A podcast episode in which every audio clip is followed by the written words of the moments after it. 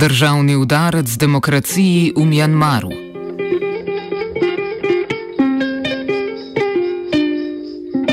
Državni udar je ponavadi redek dogodek, ampak ne v Mjanmaru, kjer je vojska v ponedeljek izvedla že tretjega od leta 1962. Mjanmarska vojska je odstranila nedavno izvoljeno vlado tako, da je aretirala predsednika države Vina Mjinta in Aung San Suu Kyi, dejansko voditeljico vlade. Aretirali so tudi druge ministre in politične voditelje na dan, ko bi se moral na ustanovni seji sestati nov državni parlament. Kot razlog so navedli nepotrjene obtožbe o volilni goljufiji na parlamentarnih volitvah. Na novembrskih volitvah je namreč stranka Aung San Suu Kyi, Nacionalna liga za demokracijo, še presegla svoj volilni rezultat iz leta 2015, medtem ko je opozicijska stranka, ki podpira še večji vpliv vojske v državi, močno izgubila. Vojska nadzoruje največji mesti Neipi-do in Yangon. Uvedla je policijsko uro in prevzela nadzor nad komunikacijami znotraj države. Zaprtih je namreč večino omrežij mobilne telefonije, pojavljajo se motnje na internetu. Vojska je razglasila eno leto trajajoče izredne razmere, po katerih obljubljajo volitve. Obljubljajo, da bo zmagovalec prihajajočih volitev tudi v resnici prevzel oblast. Ustvarjanje večjih napetosti med vojsko in civilno vlado je nastalo zaradi domnevnih prevar na novembrskih volitvah. Vojska namreč ne priznava z lahkoto pridobljene volilne zmage Narodne lige za demokracijo, krajše NLD. Ta je pridobila večino glasov, dovolj za sestavo vlade, brez potrebe po opozicijskih strankah. Vojska je trdila, da je ob tako veliki podpori NLD preprosto nemogoče, da bi bil to rezultat poštenih volitev. Trdili so, da je bilo več deset milijonov glasovnic ponarejenih, ter zahtevali upogled v volilne sezname. Volilna komisija je zahtevo zavrnila, prav tako tudi pritožbe nad prevarami na volitvah. Vojaški poveljnik Mjanmara Min Aung Hwain, sedanji vodilni državnik, je že pred državnim udarom napovedal možnost ukinitve ustave iz leta 2008. Felix Hajduk iz Nemškega inštituta za mednarodna in varnostna vprašanja v Berlinu predstavi ureditev oblasti med preddržavnim udarom. V ospredje postavlja pooblastila vojske.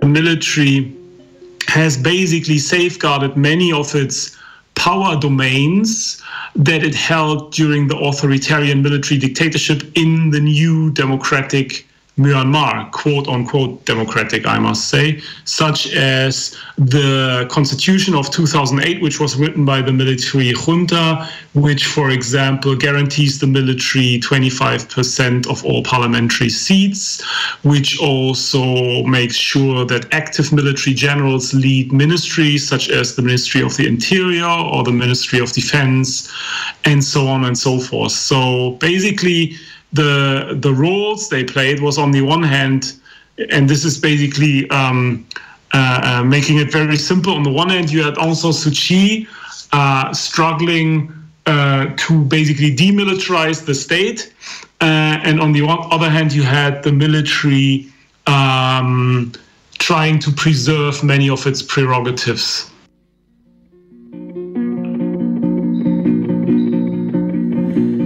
Michael Vatikiotis, novinar in strokovnjak za jugovzhodno Azijo iz Centra za humanitarni dialog, razloži, da je bila vojska kljub visokim pooblastilom, ki so ji bili zagotovljeni s prejetjem ustave leta 2008, nezadovoljna z razmerjem moči med njo in civilno vlado.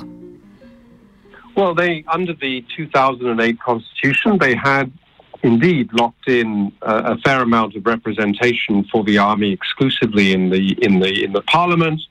They were assured that they would be appointed to certain key ministries, especially around the security, you know, security ministries. And uh, in addition, there was a National Security Council that, you know, gave the army power over many aspects of the country's security.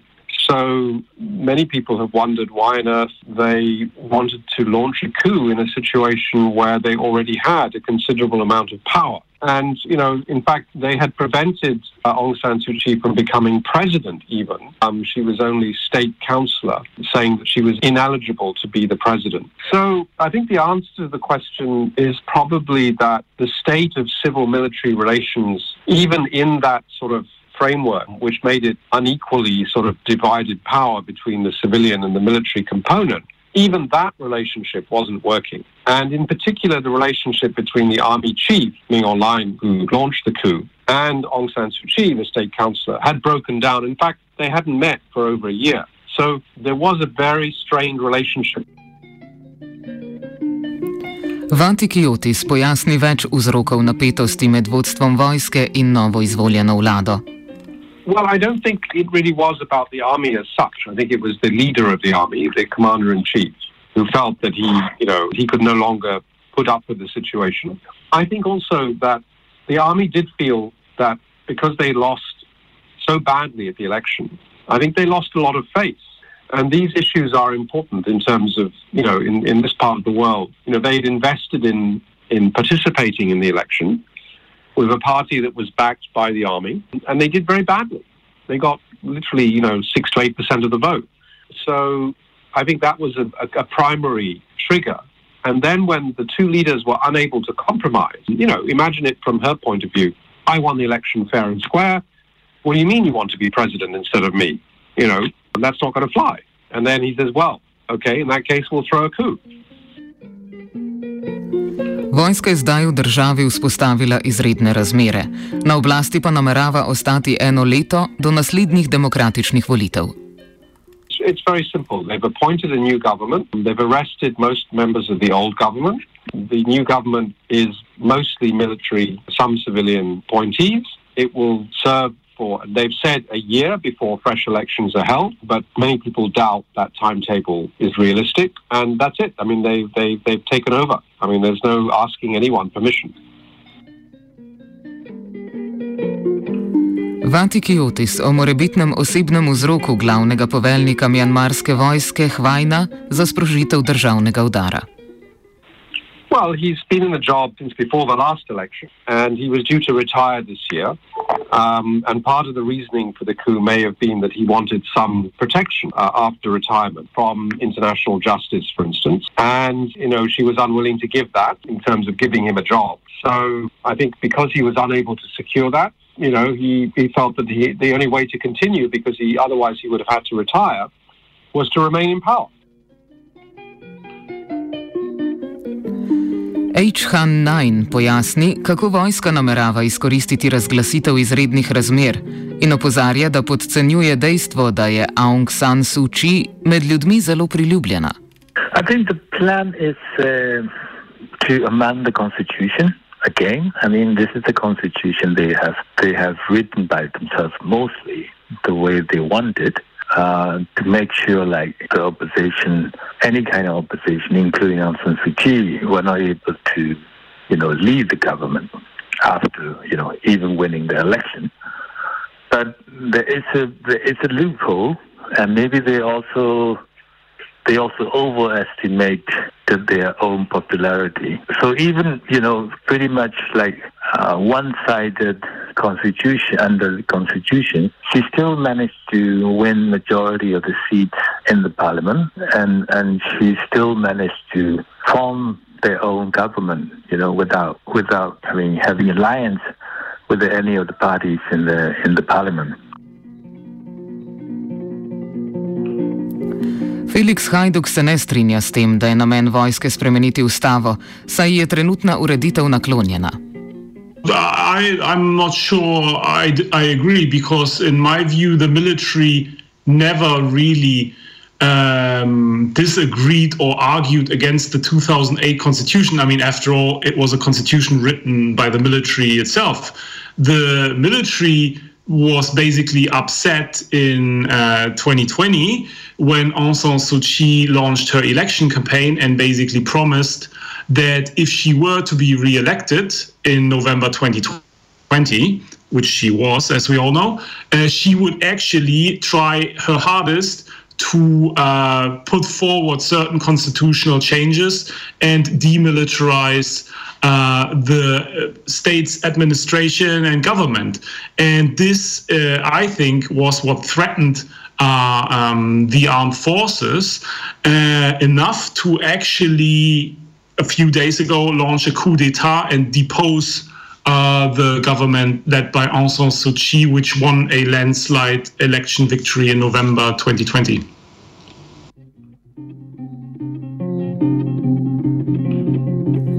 Najn je bil ob državnem udaru presenečen, saj se mu zdi poteza zgrešena. Vojska je vendarle imela udoben položaj in veliko privilegijev, poleg tega jih je Suči često branila oziroma opravičevala njihova dejanja. Aung San Suu Kyi, kot Nobelova nagrajenka za mir, je bila v tujini mnogokrat kritizirana zaradi svoje izredno mile kritike vojaških zločinov nad ljudstvom Rohingya. Because, uh, you know, like in the past, they've committed a lot of human violations. They have cracked down on the minority groups. Um, a lot of student activists got killed in prison um, during the last 20, 30 years. So basically, I mean, they have committed all those crimes, but during the last five years uh, under the NLD government, in order to, you know, keep this nation in reconciliation moving ahead, Aung San government didn't really go back, you know, to the past and, you know, even try to put them on trial, for example. And that's one thing. Another thing is to, you know, they, they have built themselves billionaires, you know, in the past by extracting lots of natural resources. But under her government, they never trying to go back and, you know, dig out, you know, how you become very, very rich.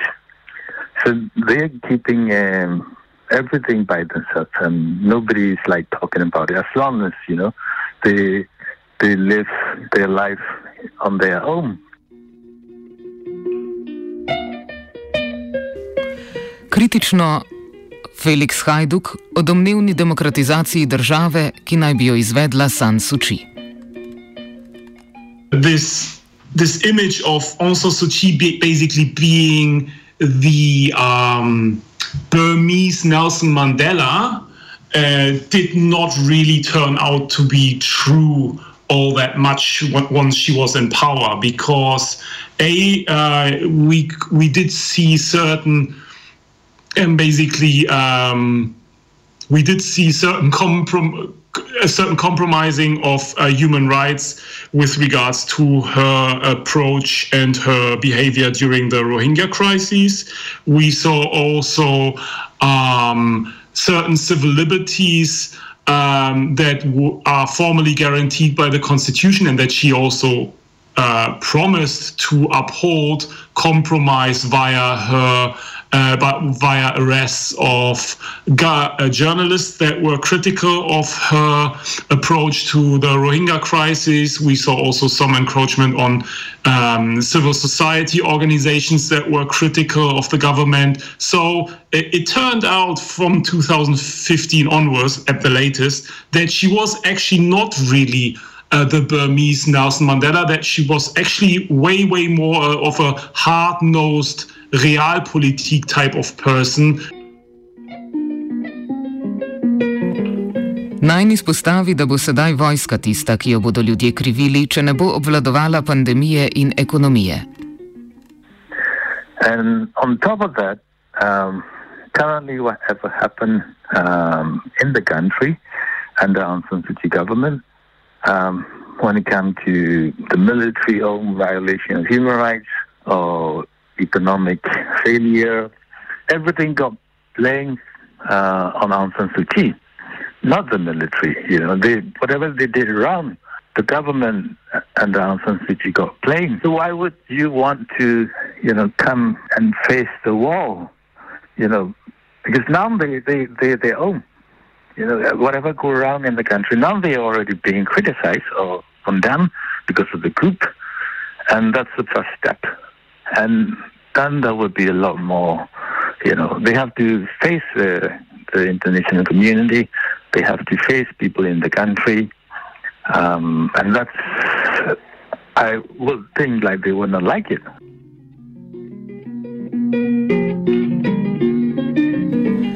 Vojska je Aung San Suu Kyi zaprla v njen dom. Da bi se njena aretacija zdela legitimna, so jo obtožili, da ima uvožene ilegalne walkie-talkie iz tujine. Doma izredno priljubljena političarka je ljudi pozvala k protestom. Nacionalna liga za demokracijo je potrdila njene besede. Ljudi pozivam naj udara ne sprejmejo, naj odgovorijo in z vsem srcem protestirajo proti vojaškemu udaru. Včeraj se je nekaj protestov že zgodilo. Uspeh Nacionalne lige za demokracijo temeli predvsem na priljubljenosti njene voditeljice. Mnogi jo vidijo kot simbol bolj demokratične prihodnosti.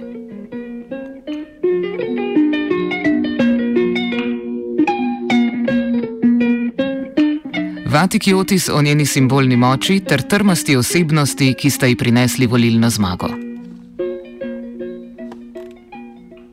Well, she is a you know, of course, very popular. And a lot of people have invested hope in her in terms of leading the country towards a more developed democratic future.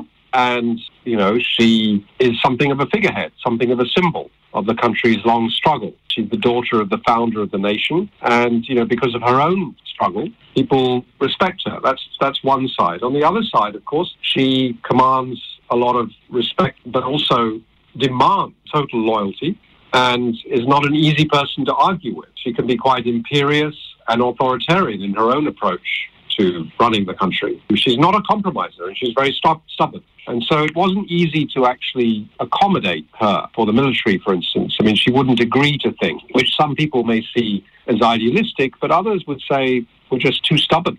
It was more the symbolic I don't think the policies were particularly good or different from before in the previous government, but she was definitely, you know, popularly elected and she commanded, you know, deep respect and loyalty.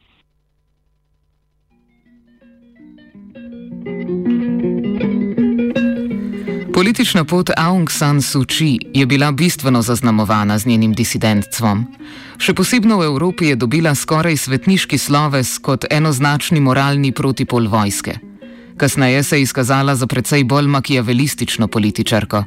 Felix Hajduk opiše njeno politično pot. Up until then, basically the Myanmar junta, the military government that had ruled the country uh, for decades, were at least here in Europe by many viewed as the villains, the evil dictators that were oppressing or suppressing the pro democracy opposition led by Aung San Suu Kyi, who was in Europe often heralded as uh, the Burmese um, Nelson Mandela. Um, she was basically viewed uh, as a human rights icon fighting uh, for democracy and human rights against a brutal authoritarian military government. And this was basically this bifurcated image of one basically evil authoritarian military government and one almost saint like human rights icon. This basically persisted as well. Uh, um, after the uh, transition to democracy uh, started, um, and Aung San Suu Kyi also rejoined the political process and then also won the elections in 2015 with the National League of Democracy that she's leading. And um, basically, uh, ever since there has been a essentially conflict over power over who actually dominates state affairs between the civilian government led by Aung San Suu Kyi on the one hand and the military on the other hand. Nasprotniki državljanskega udara so se organizirali na družbenih omrežjih. Eno vodilnih je bil Facebook. Prav zato so vojaške oblasti telekomunikacijskim omrežjem odredile blokado tega omrežja. Podjetje Facebook je potrdilo, da imajo nekateri v Mjanmaru moten dostop do njihove platforme in oblasti pozvalo naj ljudem omogočijo nemoten dostop. Včeraj so tako potekali prvi protesti. Protestniki so zahtevali ponovno vzpostavitev demokratično izvoljene vlade. Vatiki Otis o možnih protestih in njihovem zatiranju. It's hard to say at this point. you know, the bigger question and more important question is whether there will be a public protest. You know, will, will the army face resistance? And we don't know the answer to that question yet, though we assume there will be resistance and there will be protest. And therefore, the army's timetable and the army's success, if you like, at this coup may start to be questioned if a, if a popular protest movement gets underway and the army reacts with violence. We just don't know yet when that will happen, but I think it's more a question of when rather than if.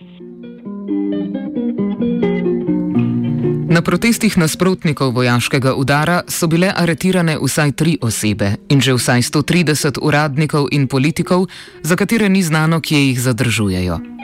V glavnem mestu Nejpejdo se je včeraj zbralo tudi več sto podpornikov vojske in državnega udara. Ti so sporočali, da izdajalci naroda, ki so odvisni od drugih držav, niso zaželeni. Gibanje državne nepokorščine je sporočilo, da zavračajo spoštovanje nelegitimnega vojaškega režima in da bodo upoštevali zgolj navodila demokratično izvoljene vlade. Prosili so tudi za pomoč iz tujine, glede mjanmarskega dogajanja pa so že v ponedeljek z vsega sveta prihajale obsodbe udara ter pozivi k izpustitvi vseh priprtih in ponovni vzpostavitvi demokracije. Med prvimi so se odzvale Združene države Amerike, ki so med drugim napovedale ukrepanje proti odgovornim.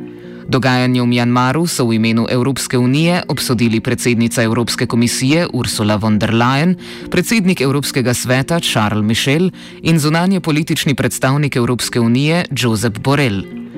A vprašanje je, ali bodo države dejansko sprejele večje ukrepe proti novemu vodstvu. Vojaški poveljnik Hvajn je po prevzemu oblasti zatrdil, da je vojaški udar prvi trdni korak na poti k demokraciji, ki ustreza dejanski situaciji v Mjanmaru. Tolikšen sarkazem menda ne potrebuje komentarja. No, dejstvo je, da je sedanja oblast že soočena z nezadovoljstvom in odporom ljudi, med katerimi jim je popularnost skozi leta nenehno upadala. Poleg vse dosedanje moči pa sedaj imajo še odgovornost, da dejansko uspešno vodijo državo in sodelujejo z drugimi državami.